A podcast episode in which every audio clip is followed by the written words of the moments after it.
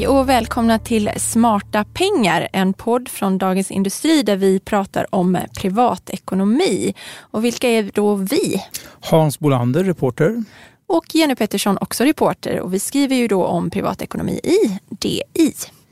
Eh, och nu är vi tillbaka från semestern precis som de eh, flesta andra, eller kanske alla andra. Eh, och hösten är på ingång.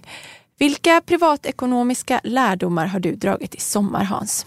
Ja, en är faktiskt det här med elpriset. Jag hade inte haft en tanke på att elpriset kan gå upp under sommaren, men med det här extremt eh, varma vädret i stora delar av Europa, norra Europa i alla fall, så fick vi väldigt lite regn. Det fyllde inte på vattenmagasinen uppe i eh, Norrbotten och Norrland. Det var eh, lite vind, eh, så vi fick inte någon el från vindkraften. Vi fick importera el och, den importerade, och kolen var väldigt dyr för det är många som är och hugger på det här och då har världsmarknadspriserna dragit iväg. Summa summarum väldigt höga elpriser och den här gamla sanningen om att ja, man alltid kan ligga med rörligt elpris på sommaren, den stämde ju inte alls. Nej, så att, eh, man kan räkna med en kalldusch här efter sommaren kanske när räkningarna börjar dimpa ner. Absolut, den kommer, det kommer svida lite extra. Men du, eh, för en del kanske det eh, gick bra att hantera värmen ändå? Ja, faktiskt en ganska rolig eh, bieffekt av att luftvärmepumpar är så himla populärt. Det är 8-9 tusen som säljs varje år för att man ska krympa elnotan på vintern.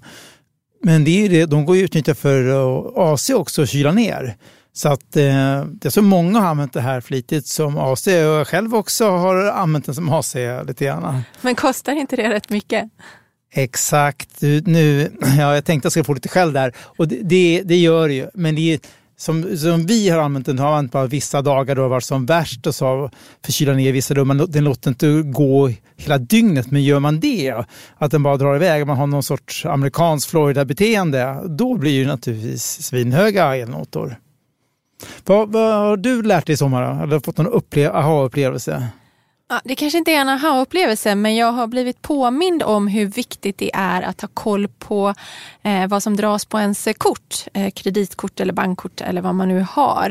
Eh, när, man, eh, när det är sommar så har man ju lätt kanske, man använder kortet väldigt mycket och det är många poster i det där eh, kontoutdraget eh, och det kan väl lätt slinka emellan någonting och det höll på att göra det för mig fast okay. jag upptäckte det faktiskt. Så det var så att i maj redan så hyrde jag en bil som jag skulle ha två veckor på semestern och då betalade jag allting med en gång.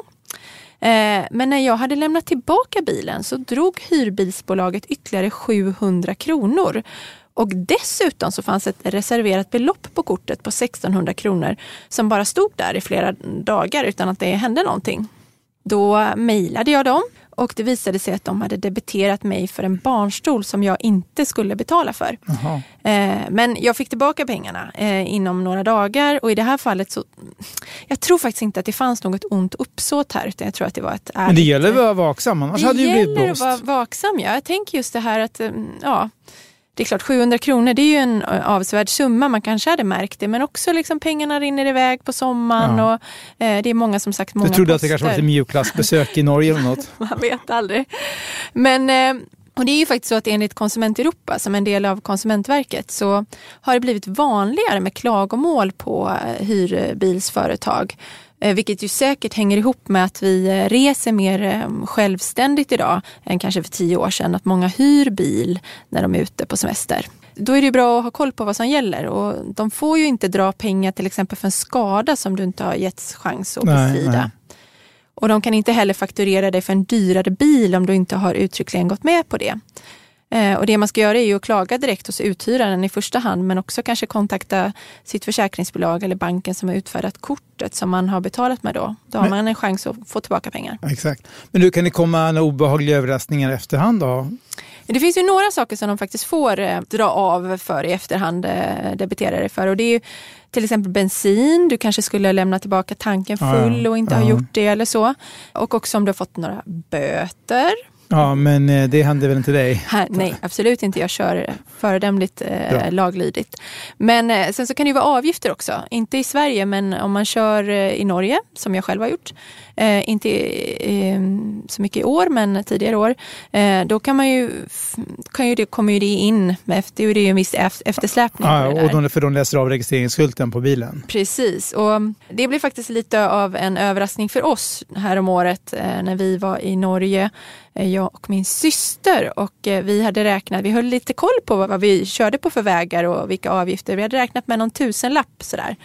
Men det landade på nästan det dubbla när vi fick Oj. Eh, räkningen. Förklaringen är ju massa administrationskostnader då som blir liksom extra stora när det ska gå via hyrbilsbolaget. Mm. Så det var ju inte riktigt så kul men det var ju bara att tugga i sig och betala. Det känns som man skulle egentligen vilja låta någon kolla om det är oskäligt höga administrationskostnader, någon konsumentorganisation eller så. Ja, precis. Men sen kan man ju vara lite uppmärksam också och inte göra som vi gjorde, att ta fel i en rondell och köra över en avgiftsbelagd bro. Eh, och enda sättet att komma rätt igen var att köra tillbaka på samma bro, eh, vilket kostade oss 400 kronor på sådär fem minuter. Vart Helt lite. Vart det lite osämja eh, framme i, mellan förare och kartläsare då? Nej, vi var, vi var inte så arga på varandra. Vi var väl mest arga på det norska vägskyltssystemet tror jag, som vi tyckte var väldigt otydligt. Vi, vi kände oss eh, lite lurade. Men eh, det var ju bara som, jag tror inte att det hade hjälpt att Nej. skicka ett brev till eh, norska motsvarigheten till Trafikverket. Ja, man kan skriva en insändare kanske i VG. Ja, kanske det. Nej, vi betalade helt ja. enkelt.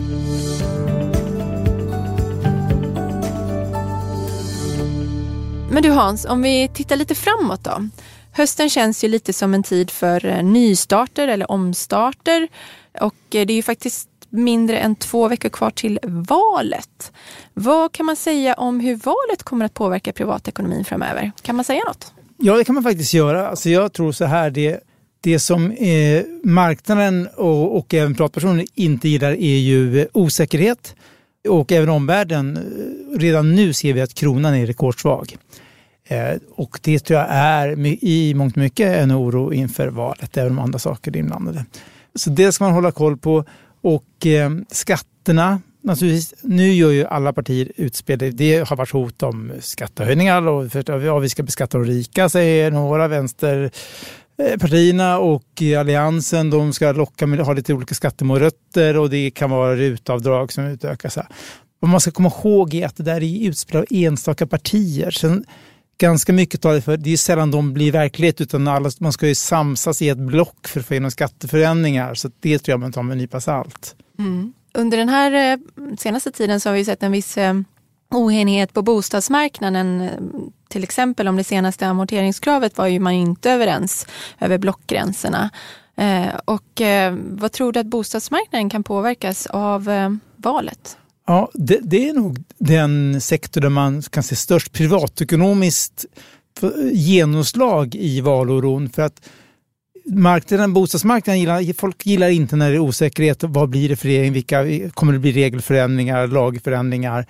Och, och då kanske man helt enkelt eh, inte vill köpa nu. Och det, det drabbar ju försälj, de som säljer lägenhet. Priserna kanske sjunker tillfälligt och det blir stiltje på marknaden. Så där tror jag vi kan nästan räkna med att det blir lite att det blir lite tråkig stämning under ett par veckor. Sen får vi se hur snabbt en regeringsbildning tar. Den kan ju gå snabbt, men det kan ju också det kan ju hålla på liksom en, två månader innan vi får en regering på plats. Tråkig stämning för säljarna kanske, men inte för köparna. Exakt, kan fyndläge, verkligen. Ja, den enes eh, bröd. ja, vi, vi, får väl se hur ja. utvecklingen blir. Men det finns ju som sagt mycket osäkerhet kring valet. Men det finns ju också det finns ju en hel del man själv kan göra för att ta makten över sin ekonomi. Och eh, hösten är ju som sagt en tid för omstarter och det kanske är ett ypperligt tillfälle att göra det nu. En del saker så kommer vi, eh, kommer vi djupdyka i här i podden eh, under hösten. Och, och, även i tidningen ska vi komma ihåg. I tidningen ska vi ja. komma ihåg. Vi har ju mycket privatekonomi i, ehm, i det i papperstidningen och på webben. Men vi tänker bland annat ta upp hur man bäst sparar till barn och pensioner kommer också komma upp i senare avsnitt. Men vi kan väl säga något kort kanske om vad som kan vara bra saker att göra så här efter sommaren. Det kan ja. ju vara så att man har naggat på sin buffert ganska mycket under semestern. Ja, absolut, och det, det tror jag många gör. och det, Pengarna drar iväg mer än man tänker sig, så det är jättebra att tänka att eh, ja, fundera på att fylla på den här bufferten igen om man har tömt den. Jag tycker personligen det är bra. Det, det, det känns som att man bör ha en kanske 20-30 000 för oförutsedda utgifter. En tvättmaskin som går sönder och sånt. Men, men kanske framförallt om man är ute och reser. För då kan det hända att du måste ta dig hem eller akut köpa någonting nytt. Eller någon gör illa så blir inlagd på sjukhus och måste lägga ut pengar in och kan få pengar från försäkringsbolag. Så där tycker jag det är extra viktigt att se till att man har lite extra kassa och inte, då kan man inte ringa hem till mor och far eller sin, eh, något eh, förmöget syskon eller så för att be om hjälp. Mm. Det kan man ju lösa med om man har en, en bra kredit på ett kort också. Men det är klart, ja, då ska det absolut. betalas tillbaka. Och sådär. Men vad man behöver för buffert, eh, det beror ju lite på alltså, vilket liv man har. Alltså, du behöver mera om du bor i en villa och har två bilar än om du bor i en hyreslägenhet. Och kanske inte eh, behöver vara så orolig för att kylen ska gå sönder eller sådär. Så det kan ju röra sig allt från en månadslön till ganska många månadslöner mm. kanske som man måste ha lättillgängligt. Det är ju det vi snackar om nu då ja, med absolut. Jag tycker att det kan vara bra att tänka en långsiktig buffert också. Det, behöver inte, det kan ju vara pengar i fonder eller aktier och sånt också. Men att man tänker på om, att man liksom bara tänker, ja men om någon i familjen blir långvarigt sjuk eller vill börja vantrivs på jobbet, vill börja plugga, av vad som helst, så behöver man, man måste göra med mindre pengar helt enkelt. Då kan det vara bra att ha lite extra pengar. Och eh, vi ska komma ihåg att vårt försäkringssystem är ju inte lika starkt som tidigare. Man kanske, om man har, framförallt om man har ett eh, jobb med kollektivavtal så har du hyggligt skydd i ett år om du blir sjuk eller arbetslös. Men om du eh, jobbar som allt fler, jobbar på konsultbasis, frilansare, olika egenföretagare, jättestor grupp.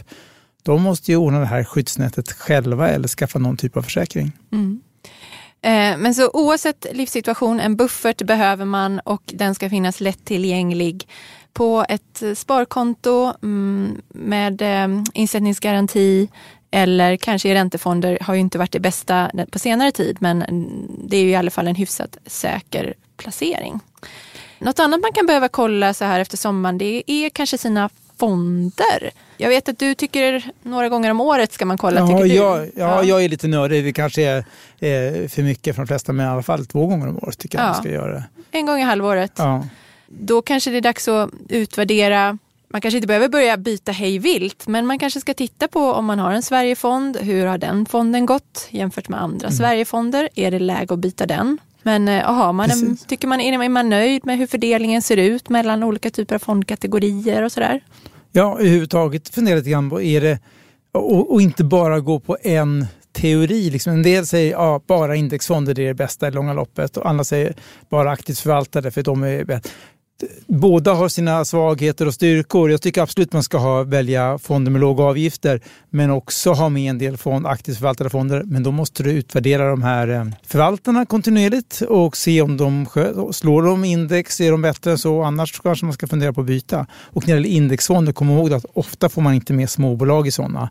Och småbolag är, kan ge en väldigt fin överavkastning på aktiemarknaden så att jag tycker absolut man ska ha om man inte placerar aktier själv, ha småbolagsfonder med i sin, på sin, i sin fondportfölj. Mm. Så en utvärdering inom varje kategori, tänka igenom, är det rätt fördelning mellan kategorier? Täcker jag in det jag vill täcka in? Det är ja. det läge att göra nu. Ja, absolut.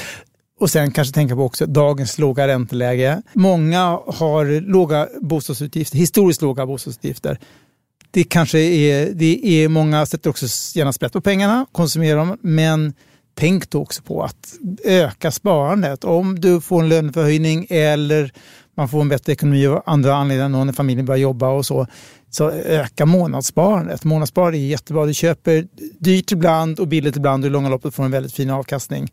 Men att höja det och kanske inte bränna allting på krogen som det är lite grann om man eh, fortfarande en sån känsla eller amortera på bolånen. Absolut. Men det bör man ju absolut göra några gånger per år. Göra en utvärdering om hur mycket har jag råd att spara egentligen? Och vad går, vad går det olika sparandet till? Ja, Ja, absolut. Men apropå det här med att amortera då. Eh, så är vi inne på bostadsmarknaden eller bolån. Eh, och det är väl också ett bra tillfälle att kolla så att man inte har blivit av med någon ränterabatt eller någonting. Det finns ju vissa sådana som löper ut utan ja. att man kanske har full koll på det alltid. Där gör ju bankerna lite olika. Och sen såg vi ju nya siffror här förra veckan om att bankernas marginaler på bolån minskade ju lite Eh, Eh, då. Men de är ju fortfarande väldigt stora och det känns ju som att det finns utrymme att förhandla om bolåneräntan. Det gör det verkligen och det kommer ju lite nya utspel nu också. Från, dels finns det några nya aktörer och, eh, och sen så är det några som har börjat, flera har börjat med en man får en energibonus. Om du bor i en bostad som är energieffektiv enligt en viss klassning då, så får du ofta kanske 0,1 punkt rabatt tror jag. Så. Kolla det och se om du kan få det. För någon bank skulle göra, sköta automatiskt, någon bank måste du göra, ansöka om det hela. Men det är väl absolut värt. Och, och andra, har, andra har ju kampanjer, ja, vi är beredda att låsa under viss tid. Och det kan ju vara bra och dåligt. Man kanske inte vill låsa av olika anledningar eller ibland tycker att det är rätt läge. Men eh, det är ändå väl värt att uppmärksamma det här och så verkligen se över det. Mm. Ja, då har vi pratat om bufferten, att se över sina fonder och att kolla sina bolån. Eh, en sista grej som man kanske bör tänka på, inte minst nu då med vad som har hänt med elpriserna, det är olika avtal man har. Kolla vad man har för elavtal. Kanske finns det något bättre på marknaden? Ja, absolut. Det finns ju, det finns ju många. Det finns ju det här mixprisavtal, blandmela fast och rörligt och det finns fasta och det finns rörliga och, och det är så det är många som för fram också som har eh, klimatsmarta eh, avtal, eller smarta är fel, men att du får men då får man ofta betala lite extra för att få fossilfri energi. Och det, det är ju bara det egna samhället eller något som avgör om det. Och frågan är om det, om det är rimligt. Kanske, inte, liksom, kanske man ska kräva av elbolaget då, och, och, ta ett ansvar för det. Att du själv inte ska behöva betala mer för den typen av energi. Men det är upp till en själv. Man får ju se vad som står. Och precis som att det finns bra sajter där man kan jämföra fonder. Morningstar.se är ju den vi brukar ta upp. Eh, och det finns bra sajter för att jämföra bolåneräntor. Konsumenternas.se är ju precis. bra för det. Så finns det ju sajter för el också. Just det. Eh, elskling.se och Elpriskollen. Där kan man skriva in var man bor och eh, ja, vilken typ av avtal man har eller vill ha och så får man olika och, den är, ja, och man ska komma ihåg vid sådana här sajter, en del är ju de är ju helt provisionsfinansierade. Så där kommer upp de som är med och betalar provisioner. Andra bolag kommer inte med. Men sådant bolag som, eh, jag tror att det finns ju konsumenternas som är, som är en statlig myndighet. Eller det är både, kanske både bransch och, och stat som är inblandade. Men eh, där i alla fall, där har vi med hela branschen. Den som elpriskollen tror jag är den statliga. Och, eh, så där kan man ju känna också att där blir du inte lurad för att man utestänger vissa som inte är beredda att betala provisioner. Så att där bör man verkligen ha i minne. Absolut. Så med detta så hoppas vi att ni får bra koll på privatekonomin inför hösten. Eh, och det var allt vi hade tänkt att prata om idag. Ansvarig utgivare för Smarta pengar är Peter Fällman och podden redigeras av Umami Produktion. Och på DIs sajt kan ni också hitta till många av våra andra poddar som Analyspodden och eh, Digitalpodden. Eh, mycket kul att lyssna på där. Eh, på återhörande. Ja, hej då.